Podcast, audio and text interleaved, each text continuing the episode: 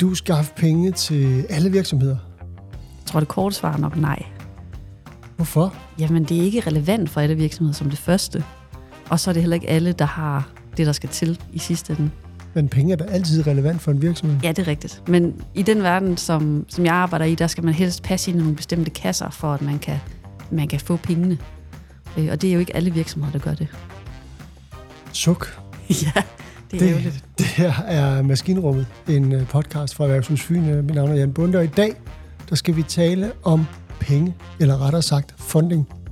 Min gæst er Lena Bruberg, og Lena hun er forretningsudvikler i Erhvervshus Fyn. Det har hun været siden 2018. Øhm, Lena er forretningsudvikler med speciale i kapitaltilførsel. Arbejder meget med tech-virksomheder, øh, men også med startups. Lena, du jo kan mærke, øh, du har været i øh, meget i IT- og softwarebranchen. Øh, flotte steder som Microsoft, øh, hvor du har været i nogle år. Ja. Og øh, blandt andet arbejdet med deres øh, cloud-løsninger. Nogle af de første cloud-løsninger i Danmark, som du har siddet og solgt. Det ja. er jo, ja, det synes jeg, der er en anekdote, der ved noget. Så har du været hos Fazer, det her finske øh, firma, som, øh, som også har en afdeling i Danmark. Og så har du været investeringschef hos Syddansk Innovation. Øh, og der hjalp du jo en masse virksomheder frem over isen. Yes. Blandt andet har du fortalt mig, Universal Robots, det er faktisk dit ansvar. At, Nå, ikke. Jeg synes altså, at huske, at jeg sagde, at det ikke var mit ansvar. Ja, okay, det er godt, at jeg skarpe lidt den lidt. Vi har en halv time sammen for at skulle tale om funding, kapitaltilførsel. Vi kommer også omkring sådan noget med kvindelige iværksættere. Ja. Øh, det bliver lidt spændende. Øh, så jeg synes, vi skal skynde os og gå i gang. Lena, hvad laver du egentlig? Jamen, det er et godt spørgsmål. Sådan helt kort fortalt, så, øh, så arbejder jeg jo med fynske virksomheder, øh, og jeg hjælper dem med sådan helt overordnet set at skaffe kapital til udvikling. Øhm, om det er, fordi man gerne vil vækste og vil ud over øh, trapperne, eller om det er, fordi man har nogle spændende nye produkter eller løsninger, som man gerne vil have udviklet, eller lavet et koncept eller lignende. Øh, når man har sådan nogle ting, og man skal videre, så kræver det kapital. Mm. Øh, og det er her, jeg kommer ind i billedet. Øhm, det er lidt forskelligt, hvad det er for nogle typer virksomheder, men, men jeg hjælper dem med ligesom at finde overblikket over, hvad der findes af muligheder for kapital i det hele taget, og hvad der skal til for, at de kan få den kapital, som passer til dem.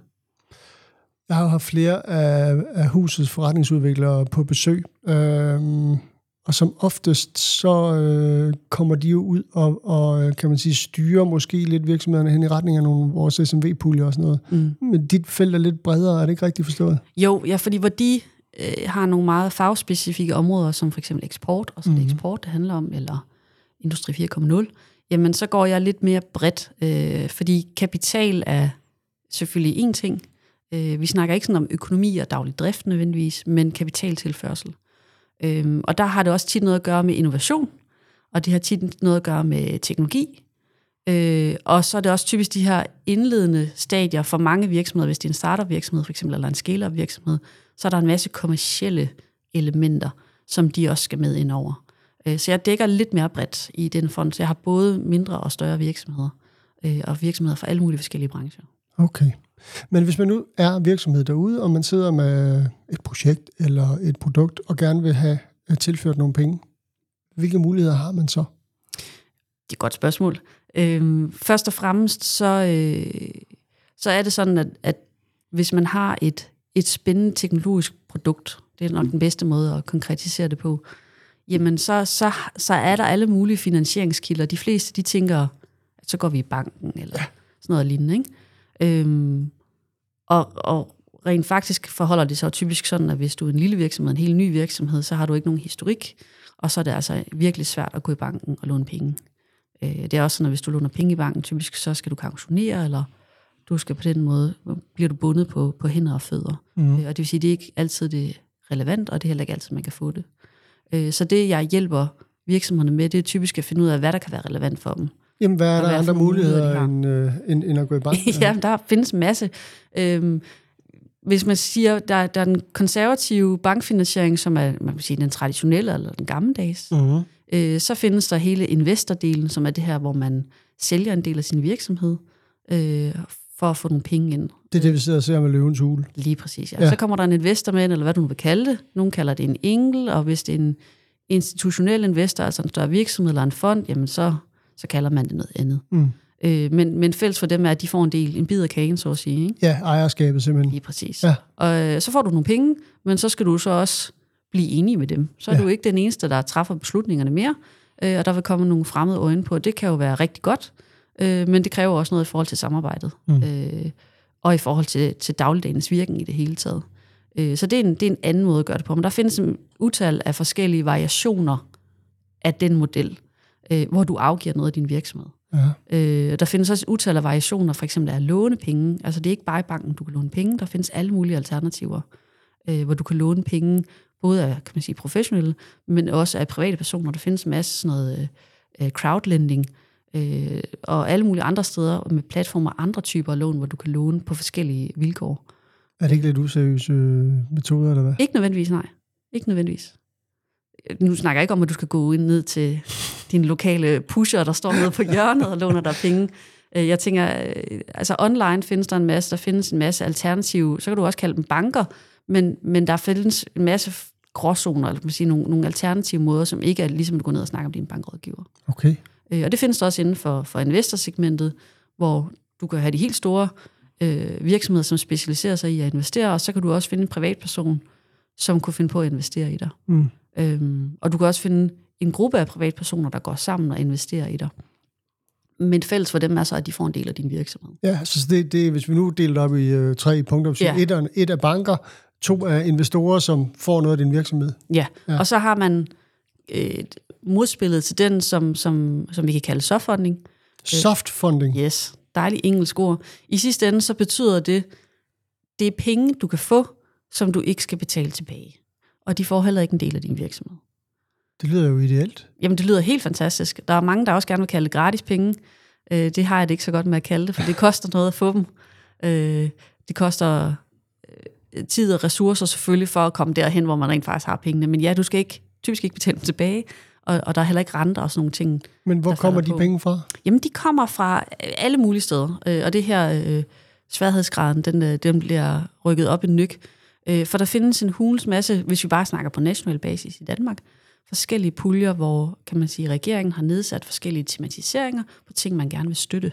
Og man gerne vil støtte i for eksempel dansk erhvervsliv eller inden for innovation. Mm. Øh, og der findes så nogle forskellige puljer, som forskellige virksomheder og fonde, de har. Vi har selv nogle her i Erhvervshus Fyn, som Ja. vi forvalter, ikke? Ja. Øh, Innovationsfonden forvalter en del puljer, og der findes en masse, altså igen, det kan være private virksomheder og offentlige øh, foreninger, for skal skyld også klynger og så videre, som forvalter nogle af de her puljer her. Og dem kan man søge ind i med et eller andet tema og med en begrundelse. Typisk om, at man, øh, hvis man får de her penge, så kan man komme videre, så kan man vækste i sidste ende, skabe mere omsætning, skabe flere arbejdspladser i Danmark, og så bliver de penge jo nok betalt tilbage igen på den ene eller anden måde. Mm. Øh, det er i hvert fald hovedtankegangen bag dem. Og det er så øh, en, en bunke af puljer, som, som du har en eller anden form for overblik over? Ja, det er, jo, det er jo nemt at sige det på den måde. Jeg forsøger i hvert fald at danne mig et overblik over de mest relevante puljer og de største puljer. Det er sådan, at, at der findes også EU-puljer, der findes jo udenlandsfinansiering også mm. i de her puljer her. Øh, og der findes nogle, der er åbne en gang, og så lukker de for evigt. Men, men det, som, som jeg danner mig et overblik over, det er nogle, nok mere de, nogle konstante puljer, øh, som er relevante og nemme at tilgå Mm. øh, for virksomheder.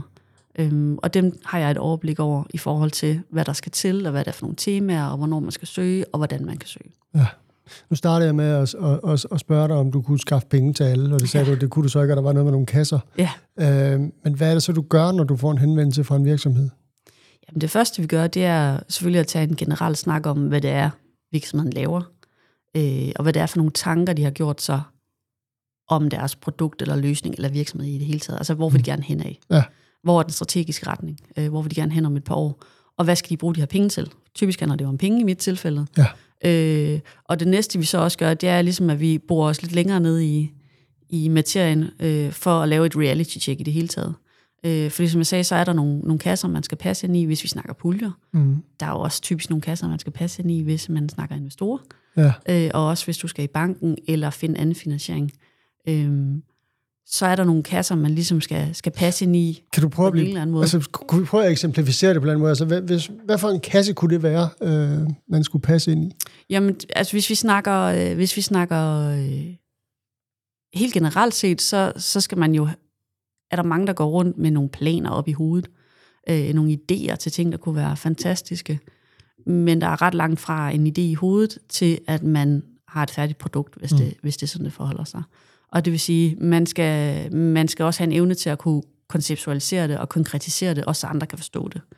Så, så jeg vil sige, det første, man skal gøre, er jo at, at være i stand til at kommunikere det til nogle andre. Ja. Øh, Og det vil sige, at man skal lige have, have et par tanker igennem det, og have snakket det igennem med nogle andre, og forsøge at konkretisere det i større grad. Fordi der sidder jo en masse folk, som møder en masse virksomheder hver dag, Mm. Mm. øh, eller laver en masse andre ting, og det vil sige, at det skal være nemt for dem at forstå, hvad er det egentlig, det her det går ud på, og hvorfor er det egentlig, det er godt? Ja. Hvorfor er det, det er spændende eller relevant? Mm. Øh, hvorfor er det, du kan vækste, eller hvorfor er det, du bliver den næste store Ja. øh, unicorn, eller sådan mm. et eller andet den Mm. duer der. Så der er jo noget kommunikativt i forhold til at konceptualisere det, og få det bragt ned på måske et stykke papir, eller i et eller andet form, hvor andre mennesker kan forstå det. Og så er der måske også noget branchebestemt i forhold til, hvad det er for nogle øh, fonde og, og puljer, man kan søge, eller hvad? Ja, det er sådan, at typisk plejer jeg at sige, øh, hvis vi snakker puljer i hvert fald, øh, at der er generelt det, der hedder digitalisering og automatisering, hvor man gerne vil opkvalificere de danske virksomheder i det Ja. hele taget, og gøre det mere, øh, gøre dem hurtigere og bedre, Mm. øh, og få skiftet de manuelle processer ud på den måde, ikke? og få optimeret dem. Det er en del inden for digitaliseringsområdet. Så er der en del inden for produktudviklingsområdet, som er det her med at finde nye produkter, Mm. øh, nye løsninger, øh, nye innovative måder at, at klare tingene på. Og så er der den øh, sidste, sidste kasse, hvis vi sådan skal, skal være meget firkantet, inden for sådan, kan man sige, vækst i generelt, at man gerne ud til nye markeder. Øh, man har brug for en salgsstrategi, altså man har brug for noget strategisk input for at komme videre Ja. af den ene eller anden art. Det er typisk, jeg generaliserer ret voldsomt nu, Ja. de kasser, der er inden for puljerne, Mm. hvor det er lidt bredere, kan man sige, inden for, for bankverdenen og, og investorverdenen. Men investorverdenen er meget fokus på, væk, på vækst selvfølgelig. Øhm, men det er typisk nogle af de ting, der, der ligesom går igen. Okay. Vi skal prøve at gøre, gøre boet op her, så kan man sige, øh, altså hvad, hvad, er, hvad er øh, fordelen ved at, at, at komme i sin bank? Jamen det er, at, at det jo for det meste er nogen, du kender, og nogen, du har et eksisterende forhold med. Og det vil sige, at de har allerede en eller anden, en eller anden form for indblik i din virksomhed Mm. øh, og i din økonomi. Øh, og det vil sige, for nogen, der, der passer det bedre. Det er mere øh, stille og roligt. De skal ikke ud øh, og banke på en hunds masse døre. Og hvis banken finansierer et eller andet til din virksomhed, jamen så, så er det jo ligesom der, du er. Øh, og du skal betale pengene tilbage med en eller anden rente, og, mm. og det kender man mm. i et eller andet omfang, for så Ja. har du købt et hus eller en bil eller mm. eller andet. Ikke? Jo. Så det er genkendeligt og, og noget, man ligesom er vant til. Ja. Øh, og det er kun et sted, du, du typisk går hen. Øhm, og nogle gange går det så også lidt hurtigere, fordi mm. at de kan sætte tingene i, i træk. Ja. Og Øh. ulempen, som du siger, er så, at det er faktisk bare ikke alle virksomheder i, på det stadie, hvor man gerne vil have pengene, som kan få lov til det. Ja, og så er der en hulelse, altså, altså igen, det er, hvad man er, hvad man er indtil. Du får jo ikke nogen til at hjælpe dig med at vækste. Du får heller ikke nogen input udefra. Øh, så du får sådan set bare pengene, og så skal du så selv tro på, at du selv kan forvalte dem og vækste dem. Og det er der også mange, der tror. Mm. Og mange, der gerne vil. Mm. Og så er det jo det rigtige for dem. Ja, ja. Ulempen er jo så, at du skal betale nogle renter. Mm. Og nogle gange, afhængig af hvor risikofyldt det er, så er der nogle høje renter, eller der kan være nogle andre tømme, som man ikke synes er fantastiske. Ja. Okay. Øh, men det er ligesom, det er, det er trade-offen, Ja. ja. hvis du går i banken. Ja. Hvor hvis du får en investor med ombord, mm. Jamen så skal du ikke selv ud og betale pengene tilbage. Øh, de investerer jo i din virksomhed med det formål, at de kan sælge den andel igen Ja. senere for flere penge. Ikke? Mhm. Så de har jo en, en fælles interesse med dig om at vækste virksomheden. Og typisk så går investoren også ind og hjælper i et eller andet omfang. Øh, om ikke andet, så i hvert fald med noget sparring. Og det vil ja. sige, så sidder du ikke med alle problemerne selv. Det er der tit mange, der gør. Også Mhm. i danske virksomheder, fynske virksomheder. Du sidder med alt ansvaret selv øh, med det hele på dine skuldre. Og det er faktisk meget rart at have en anden person, man kan spare med Ja. øh, undervejs og kaste mm. noget bold op af. Mm.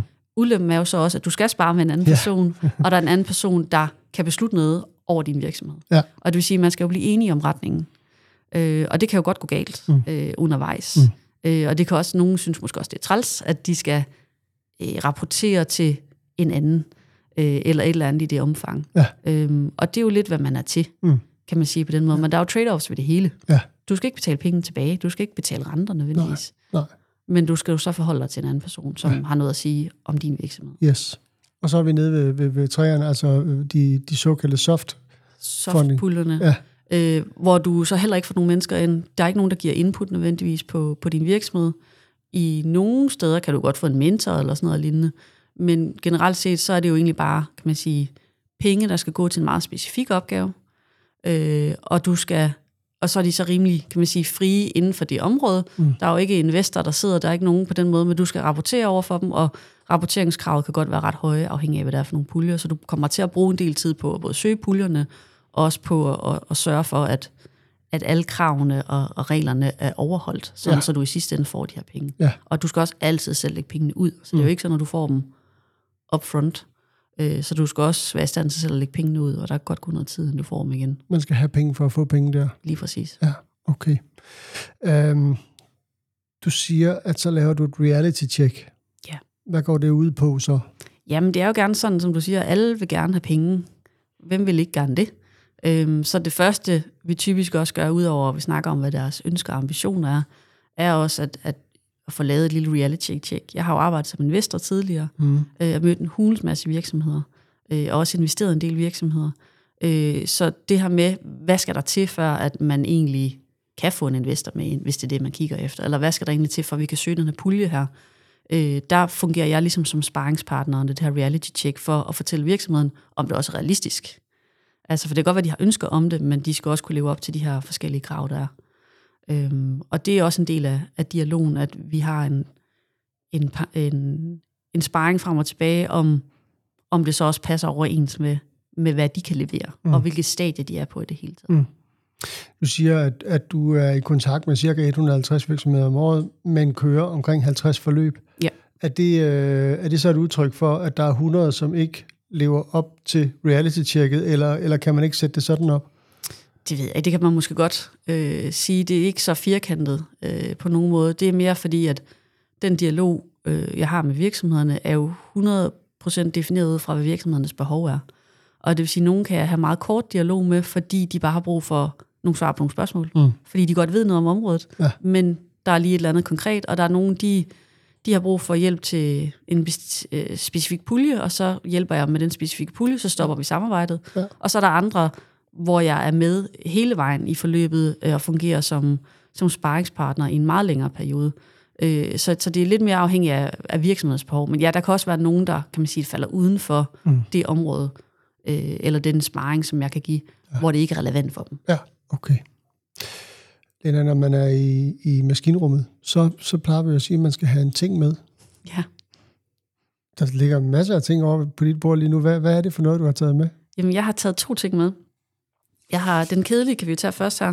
Jeg har taget øh, et illustreret videnskab med. Ja. Det her det er vist en særudgang. Ja, det, det Spor, forsvundet sporløst. Ja, det, lige den her, den handler om øh, Bermuda-trekanten. ja. øhm, og jeg har sådan set bare taget den med, fordi at jeg virkelig godt kan lide sådan nogle random facts ja. om alle mulige områder. Ja. Altså, så at læse lidt ind i noget, øh, noget historie om Bermuda-trekanten, eller se en, øh, en dokumentar om hajer, ja. eller sådan et eller andet, det synes jeg er mega fedt. Så det er ikke sådan, at jeg ved helt vildt meget om alle de her emner, men så ved jeg lidt. Ja. For det passer lige med, at jeg kan læse en artikel i Illustreret Videnskab. Okay. Øh, så sådan random facts om underlige emner, ja. det synes jeg er... Det er sådan en, øh, en guilty pleasure? Ja, eller fuldstændig. En, ja, fuldstændig. Jeg, kan ikke, jeg ved ikke, hvad jeg skal bruge den til. Nej. Øhm, men, men jeg elsker at læse de her, de her blade, ja. i stedet for sladderblade. Ja, men det er der også, øh, hvad hedder det, der er der mere vitaminer i det der. Jamen, det synes jeg også, der er. Ja. Så er der noget, der er mere spændende, så læser jeg lidt mere om det, men, men ellers så kan jeg godt lide øh, forskelligheden i det. Men altså, det lyder på meget som om, der er en eller anden nysgerrighed i dig. Ja, Ja, jeg er meget, jeg er meget videbegærlig ja. øh, generelt, og kan blive meget begejstret over alle mulige ting i det ja. hele taget. Ja. Øh, og så kan jeg ikke lade tingene ligge. Så hvis jeg ser en film, eller hvis jeg ser en dokumentar om et eller andet, så kan du være 100% sikker på, at jeg sidder og googler på min telefon ved siden af også. Okay. Altså, det er rimelig nørdet, men jeg kan ikke lade være, fordi at, så, der kommer lige nogle spørgsmål undervejs, som jeg gerne vil have, have svar på, eller lige skal vide lidt mere om. Og så når filmen er færdig, eller dagen efter, så har jeg så skal jeg ikke søge mere på det. Så Nej. har jeg jo undersøgt det, så ved jeg lidt om det. Ja. Så er det videre til noget nyt. Okay. Jamen, øh, lad det være kludet til den næste ting, du har med. Hvad, ja. hvad er det så? Det er en ske. Det er en ske? En spiseske. Ja. Øh, og det... Den ser helt normal ud, kan jeg Jamen, sige. det er det til, også. Til... Jeg har taget den ud fra køkkenet, og jeg har den med, fordi jeg spurgte, jeg spurgte faktisk, jeg var til familiefødselsdag i weekenden, og så spurgte jeg min familie, hvad jeg skulle tage med ja. i dag. Ja. Og mit svar fra min søster, klog som hun er, øh, var, at jeg skulle tage den her ske med. Ja. Fordi det er sådan en jeg ved ikke helt, hvordan den er startet, men vi har jo siddet til en masse familiefester, som mange gør. Mm. Øh, og, og nogle af de her lidt større familiefester, hvor man sidder i, i fint tøj og fint pus, og man sidder og lytter til en tale og sådan noget, det er sådan lidt kedeligt. Ja. Øh, og der passer nok meget godt til min personlighed, at så på et eller andet tidspunkt, så har jeg taget den her ske, og så har jeg brugt 20 minutter på at se, om jeg kunne balancere den på min næse. øh, og med det resultat, at jeg har fået altså nok 10 mennesker rundt omkring mig ved bordet til at forsøge at balancere den her ske på deres næse. Ja, Så det, det er egentlig bare sådan en kedelig gimmick, men som folk finder stor morskab i. jeg sidder og prøver at bryde min hjerne med, om, nej, men jeg sidder og bryder min hjerne med, om, om jeg kan relatere det her til dit arbejde på en eller anden måde. Jeg ved det ikke. øh, jeg vil sige, det med at finde sjov i de små ting, Ja, øh, og noget uformelt, at øh, det behøver ikke at være så, så stift nej. øh, og stiliseret eller konservativt. Men det er sjovt, du siger det, fordi at, at du befinder dig jo i en konservativ branche. Ja. Øh, og du er faktisk, øh, og det kommer vi til at snakke om lidt, du er jo også øh, i, i, sådan kan man sige, på grund af dit køn, øh, en blandt få. Ja. Øh, så hvad er det, der er så fedt ved at være i den her branche, når nu du godt kan lide at balancere med skeer og læse random news i øh, illustreret vi- videnskab? Åh, ja, det er godt. Jeg tror egentlig ikke, at de ting hænger sammen for den sags skyld. Øh, jeg, jeg tror, jeg er drevet af at skabe ting, øh, og jeg synes, det er spændende, øh, det her med at, at bevæge sig i en branche, hvor der hele tiden sker noget nyt, og der kommer nye mm. produkter, og du møder mange forskellige mennesker. Altså, så det har ikke så meget noget at gøre med, at branchen er konservativ. Jeg er nok nærmere at sige, på trods af, at branchen er konservativ. Ja. Øh, så det har været andre, det er andre ting, der driver mig. Hvordan er du drevet derhen så? Jamen, det er et godt spørgsmål. Rent tilfældigt tror jeg faktisk, det er, at jeg undervejs jo i min øh, erhvervserfaring egentlig primært bare har arbejdet med kommercielle ting, altså salg og forretningsudvikling og marketing. Øh, og så var jeg så, for, så heldig at få muligheden øh, hos Syddansk Innovation at, at blive investor. Mm. Øh, og inden da havde jeg godt øh, stiftet en del bekendtskab med iværksætteri øh, igennem faktisk Microsoft, hvor jeg havde øh, Dansk Iværksætterforening, nogle forskellige med nogle strategiske partnerskaber og sådan noget. Men det har været sådan lidt tilfældigt, at, at jeg har landet der. Øh, men blev bare bliver enormt begejstret for øh, iværksættere, mm. og jeg har enormt stor respekt for øh, iværksættere og deres evne til bare at have den vildeste evne og begejstring for deres egen produkt og virksomhed. Og de får smækket døren i hovedet altså 100 gange, og alligevel så bliver de simpelthen bare ved. Ja. Altså, det har jeg enormt stor respekt for. Ja. Øh, og det bliver jeg enormt begejstret for. Også de løsninger og de sjove påfund, øh, de finder på. Mm. Øh, det er det, der driver mig, hvis jeg kan hjælpe dem videre. Du har jo været omkring den her branche også med tech øh, mm. i lang tid. Har du aldrig selv øh, sådan været på niveauet til at blive iværksætter så? Jo, jeg, jeg har været hobbyiværksætter, kan vi sige det sådan, at øh, ved siden af mit job, så har jeg haft øh, en, øh, en virksomhed, vi lavede en app Okay. øh, til at få folk til at bevæge sig mere. Ja. øh, i på samme måde, at man arbejder i weekenderne og i kælderen osv. Mm. Øhm, den lukkede vi også igen efter noget tid. Øhm, så jeg har været ude og prøve at stifte lidt bekendtskab med, kan man sige, iværksætteriet på egen fod også, men, men har nok erkendt, at, og det tror jeg faktisk, jeg har gjort for mange år siden, at jeg har enormt stor respekt for iværksættere og enormt stor begejstring for branchen, men jeg er ikke nødvendigvis den fødte iværksættertype. Hvorfor ikke? Jamen, jeg, jeg har større behov for at sætte struktur i tingene og optimere tingene, og jeg er heller ikke lige så risikovillig. Altså, jeg trives ikke i komplet kaos. Og det er ikke, fordi jeg siger, at alle iværksættere skal trives i det, men der er bare nogle elementer i det, som gør, at, at det har jeg svært ved at begå mig i på daglig basis. Okay. Så, så du cirkler sådan ligesom lidt omkring dem og forsøger at hjælpe dem med struktur i det der kaos, Ja. som du oplever? Ja. Ja, jeg vil sige, at, at en, en, en vigtig del af arbejdet er jo respekten for hinanden, og det, at man kan noget forskelligt. Øh, og jeg har begejstringen og respekten for deres arbejde, og så kan jeg så nogle andre ting. Mm. Øh, så, så jeg ser det jo som en rigtig fin pendant til det, de kan typisk. Ja. Øh, at jeg så kommer med noget andet. Mm. Øh, det er ikke sådan, at jeg går ind og sætter struktur i alle deres ting, men og det at skaffe kapital, og det skal typisk præsenteres på en, en lidt mere stiliseret måde, øh, som er lidt mere konservativt, mm. øh, eller i hvert fald som er mere struktureret i et eller andet format. Øh, og der, der har jeg en masse erfaringer, der ja. jeg kan bidrage med. Det her med at have respekt for hinanden og øh, hinandens arbejde. Øh, vi talte lidt om, at, at øh, det er ikke så mange kvinder, du har mødt i den her branche. Øh, altså både det her med pengene, men også det med iværksætteriet. Mm. Og, og det har jo fået dig til at involvere dig i det her nye iværksætternetværk, som bliver skabt i Odense. Ja. Women in Front. Øh, på hvilken måde har du været involveret i det? Jamen, jeg har faktisk øh, været så heldig at være med helt fra starten af. Øh, jeg arbejder en del sammen med Odense Kommune, Mm-hmm. kvæg mit job. Ja. Øh, jeg er også lokalkontakt for Odense Kommune og kan man sige, virksomhederne i Odense Kommune. Øh, og det var sådan, at de for, tror det er halvandet år siden, der afsatte de cirka 20 millioner kroner for at skabe Danmarks bedste iværksætterby i Odense Kommune. Og der har været nogle forskellige aktiviteter under den fane, øh, og der bad de så om input til, hvad de skulle afsætte penge til. Mm. Øh, og der var jeg så heldig at blive, at blive spurgt. Så jeg har faktisk været en af dem, der har foreslået, at man skulle gøre noget særskilt for at skabe flere øh, iværksættere med kvinder, øh, eller virksomheder med kvinder i fronten. Øh, og så er det jo så Odense Kommune, der har arbejdet videre derfra, nu er det, mm. Nu er det endelig blevet til virkelighed, hvor jeg så sidder i advisory boardet nu, og med til at sætte den strategiske retning og understøtte. Hvorfor er det overhovedet nødvendigt? Ja, det er et godt spørgsmål. Det er det, fordi at alle analyser i øvrigt indtil videre, både på national basis og også den analyse, der er lavet i Odense Kommune, viser, at diversiteten generelt, og særligt på kønsbalancen, er, er helt skæv. Øh, det er cirka altså det er 25 procent, 27 procent øh, på landsbasis, hvor der er kvindelige iværksættere.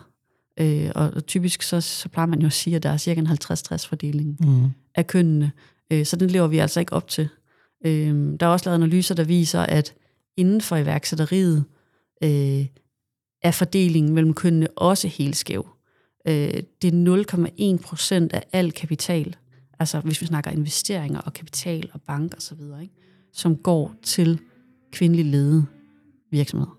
0,1 procent. 0,1 procent 0,1 procent til hvad? Til kvindeligt ledet? til kvindeligt ledet, altså hvor det er Okay. kvindelige founders, Ja. altså en ren kvindelig Yes. virksomhed, hvad man skal kalde det. Ikke, der må godt være mandlige medarbejdere osv., men hvor det er rent kvindeligt ledet. Og 10 procent, der går til blandede hold, altså hvor der både er kvinder og mænd øh, i, i, øh, i ejerkredsen. Mm. Og det vil sige, det er 90 procent af al kapital, der går til udelukkende mandligt ejet virksomheder. Den, sådan, Ja, den er ikke helt lige. den er måske ikke helt... Øhm, men er det ikke bare, fordi kvinder ikke har lyst så? Du har jo Det- selv lige så sagt, at... Øh, ja, at jeg ikke passer ind. Ja, øh, det er jo et argument, kan man sige. Øh, den tror jeg ikke helt på. Øh, der er også lavet analyser, og det fik vi faktisk også lavet her ved Odense Kommune, for at finde ud af, hvad, hvorfor er det så, at man ikke er iværksætter, øh, og hvad er øh, udfordringerne. Og jeg tror, det har meget noget at gøre med den måde, som vores samfund er bygget op på i det hele taget, at der er rigtig mange mandlige ledere i det hele taget ja, og der er rigtig mange mandlige øh, iværksættere. Øh, og det vil sige, at der er en masse øh, rollemodeller, som øh, unge mænd, eller drenge for den sags skyld, kan spejle sig i. Og det kan man selvfølgelig også, hvis man er kvinde, men det er bare lidt svært at spejle sig i nogen, der ikke ligner en selv, og som ikke gør tingene på samme måde, som en selv gør. Så det tror jeg er et stort element i det. Øh, det viser undersøgelser også, at Mm. der er simpelthen mangel på synlighed og rollemodeller. Øh, og så er der hele det her øh, samfundsmæssige, som selvfølgelig er ved at, ændre sig, men at, at drengene de får lov til at lege superhelte og, og, og udforske alle mulige ting, mens pigerne de bliver sat i, i legegrupper, med, hvor de skal lege med makeup eller øh, lege med Barbie, hvor de laver et hjem og sådan nogle ting der. Altså, så jeg tror egentlig, at fra helt fra en tidlig alder, der bliver, man, der bliver det måske lagt ind, at, at det er måske ikke lige det, det er hjemmet, og, det er de her ting, som, som er mere relevante øh, for kvinderne. Nu, er det jo ikke, nu snakker vi ikke om, at vi, vi lever i 50'erne mere, men jeg tror stadigvæk, at, at, at det er et element Mm. øh, af tingene. Øhm, og så er det jo det her med, at, at der er nogle brancher, særligt i kapital, og nogle andre, som bare er enormt mandsdomineret. Øh, og det kan være enormt svært for kvinder at komme ind i det, og få respekten, øh, og sådan at få arbejdet sig ind i det, få åbnet dørene. Mm. Og det gør altså, at det er hårdere at komme fremad. Og f- Og har du også oplevet det selv? Ja, det synes jeg da. Det synes jeg. Jeg, jeg synes øh, i det hele taget, at jeg har, øh, at jeg har haft, jeg vil ikke sige, jeg vil ikke sige, at jeg har haft et nemt arbejdsliv, men man kan sige, at, at jeg har ikke oplevet sådan sexisme, sexisme på samme måde, eller de her forfærdelige historier, slet ikke. Nej, nej. Men, men det er jo alle steder. Altså, jeg har altid følt, at, øh, at jeg skulle arbejde dobbelt så hårdt, for ligesom at få anerkendelsen, eller få muligheden for at komme et eller andet sted hen. Øh, når jeg har siddet i, i bestyrelser, øh, så har jeg næsten udelukkende siddet i bestyrelser, hvor de fire andre personer var mænd, og de har typisk også været 20 år ældre end mig. Øh, og uden at de nødvendigvis vil være ved det, så vil jeg våge at påstå, at de fleste af dem har siddet og kigget på mig med et udtryk om i, hvad laver hun her? øh, de fleste gange. Øh, og det kan man jo selvfølgelig diskutere, om det er på basis af mit køn, eller om det er på basis af min alder. Men jeg tror helt sikkert også, at kønnet har noget, har noget med det at gøre. Og derfor vil du gerne slå et slag og kæmpe for, at de her kvindelige iværksættere kan mødes og finde, øh, hvad kan man sige, rollemodeller i hinanden? Ja. Der, der, jeg synes, der er noget... I det hele taget synes jeg, det er jo at kæmpe for diversiteten. Det har mm. ikke nødvendigvis kun noget med mænd versus kvinder at gøre. Øh, men det viser sig faktisk øh, også, at øh, virksomheder, hvor der er en kvindelig founder, de skaber 25% mere i omsætning end virksomheder, hvor der kun er mandlige founders. Altså, så, så det er jo business. Mm. Det giver mening. Mm. Øh, og jeg ved, at øh, der helt sikkert sidder en masse kvinder derude, som kunne være super fede. Også fordi de har nogle andre inputs og nogle andre måder at gøre tingene på. Så diversiteten i det hele taget viser sig jo i mange undersøgelser er bedre, end at man sidder tre folk, der ligner hinanden. Mm. Øh, så hvis vi kan få samlet nogle, nogle folk, øh, som ønsker at understøtte hinanden, nogen som har prøvet det, og nogen som måske overvejer at gøre det, og nogen som har nogle gode kontakter, jamen hvis vi kan få skabt nogle, nogle spændende rollemodeller, nogle gode historier, øh, og få snakket om, hvad det er, udfordringen er, og få vist, at der faktisk er mange forskellige måder at være iværksætter på. Det skal ikke køre efter den samme skabelon. Du skal ikke arbejde 100 timer om ugen og tage til Silicon Valley for at få investeringer og køre det på den måde. Altså, der er mange måder at drive virksomhed på. Godt, Lena. Vi er ved at nå til vejs ende, fordi tiden går jo stærkt, når man er i godt selskab.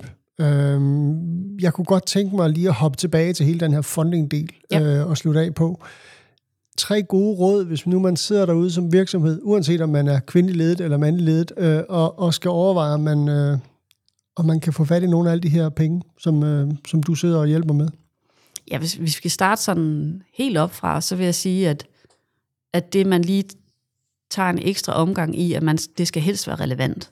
Altså igen, vi snakker om, at alle vil selvfølgelig gerne have penge, men, men der skal også være et eller andet relevant at bruge dem på. Øh, I mit tilfælde er det meget udviklingsorienteret, og det er vækstorienteret og nye produkter osv. Øh, der findes også nogle steder, hvis du har krise, og du har svært ved at få din virksomhed til at, at køre rundt, så er det en af mine kollegaer, du skal snakke ja, med. Sådan noget andet, ja. ja. Øhm, I mit tilfælde, jamen, der skal det helst fordi, for der er et formål med de her penge her. Og ikke bare fordi det kunne være fedt at få nogle ekstra penge, mm. eller fordi at du har et hul, du skal have dækket. Øh, så det er det første, at du lige skal, skal, skal vinge af. Mm. Jeg synes, det næste, du skal vinge af, øh, det er, at du skal forsøge at øh, konkretisere det i større grad. Øh, og måden, du gør det på, det er, at du går ud og snakker helst med så mange som overhovedet muligt, øh, for at få deres input. Øh, og det er simpelthen, fordi processen i det her er, at i sidste ende skal du ende ud med noget, der er konkret. Mm. For når du, skal, når du skal præsentere noget for en investor, eller for din bank, eller søge en pulje, så skal du ligesom have tænkt ret mange tanker til ende, og planlagt en del.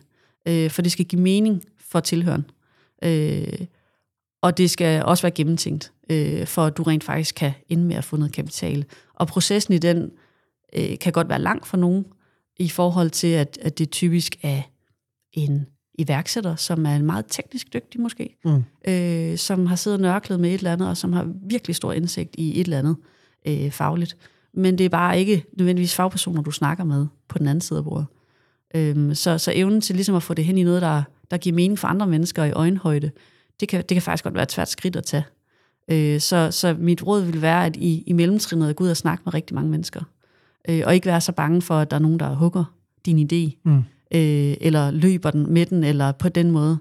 Øh, det er meget, meget vigtigt at få inputtet øh, for de her forskellige mennesker, sådan så du kan blive skarpere, og så du i, i sidste trin har noget, der er konkret, du kan gå videre med. Ja, så altså relevans, øh, kommunikation mm.